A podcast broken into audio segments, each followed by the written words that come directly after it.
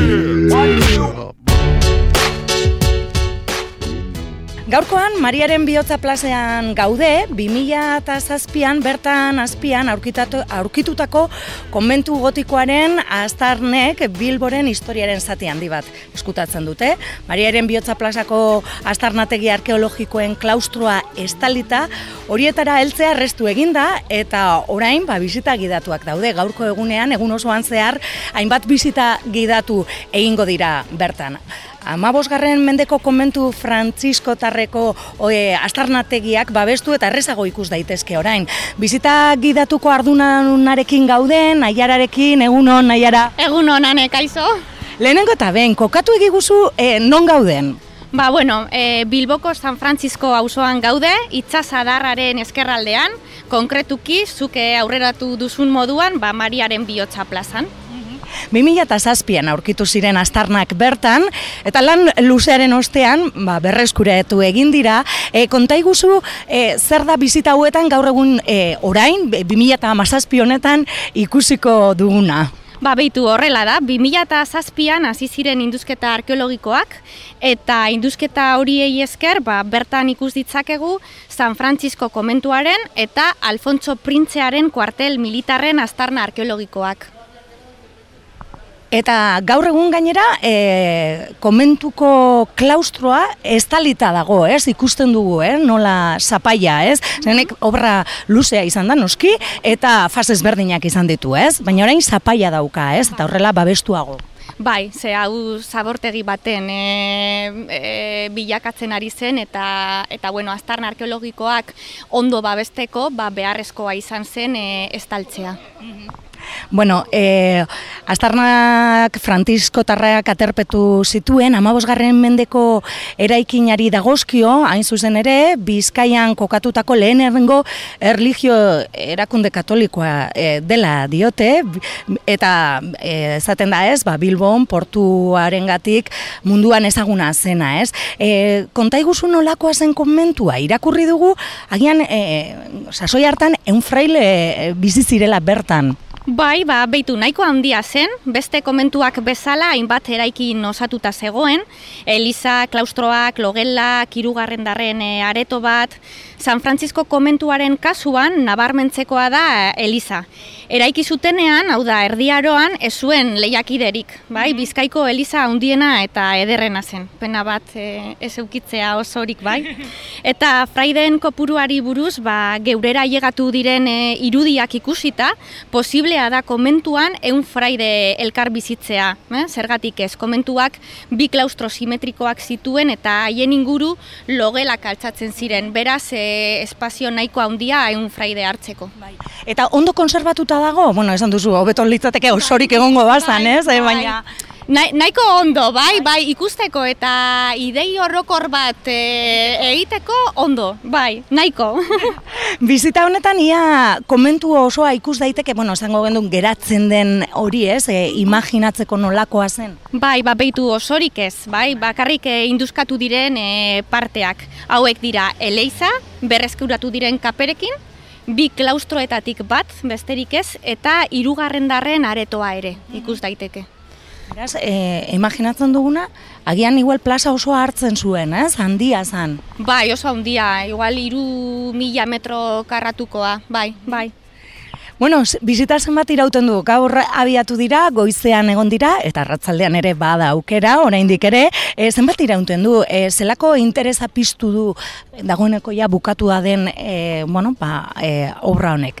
Ba, bizita ordu erdikoa da, bai, gutxi gora bera, oso bizita harina da, gainera oso oso entretenigarria, geure azalpenak ba, audio eta bideo batekin osatzen dira, eta momentuz ba, oso pozik gaude jendearen harrerarekin, ia bizita guztiak dauze bete-beteta, eta bueno, ba, oso gustora. Gaurko guna berezia da, baina bueno, honek gero e, bueno, e, gaur ba, usokidei eta bilbotarrei irekita dagoelako, aldez aurretik apuntatu behar zen, hori ere esan behar da. Bai, bai, izena eman be, e, beharra dago, bai, bizita giratuetan parte hartzeko, eta jendea deitu egin du, beraz, e, ondo.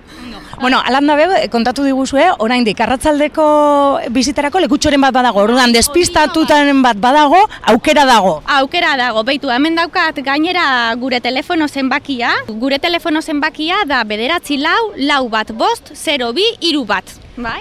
Ba, horra deitu eta arratzaldeko bizita hortan oraindik lekua dagoela, ba, interesa daukan e, oroa apuntatu daiteke. Hori da. Ba, nahiara eskerrik asko. Basuri etortzeagatik, espero dute bizita zure gustokoa izatea. Eskerrik asko.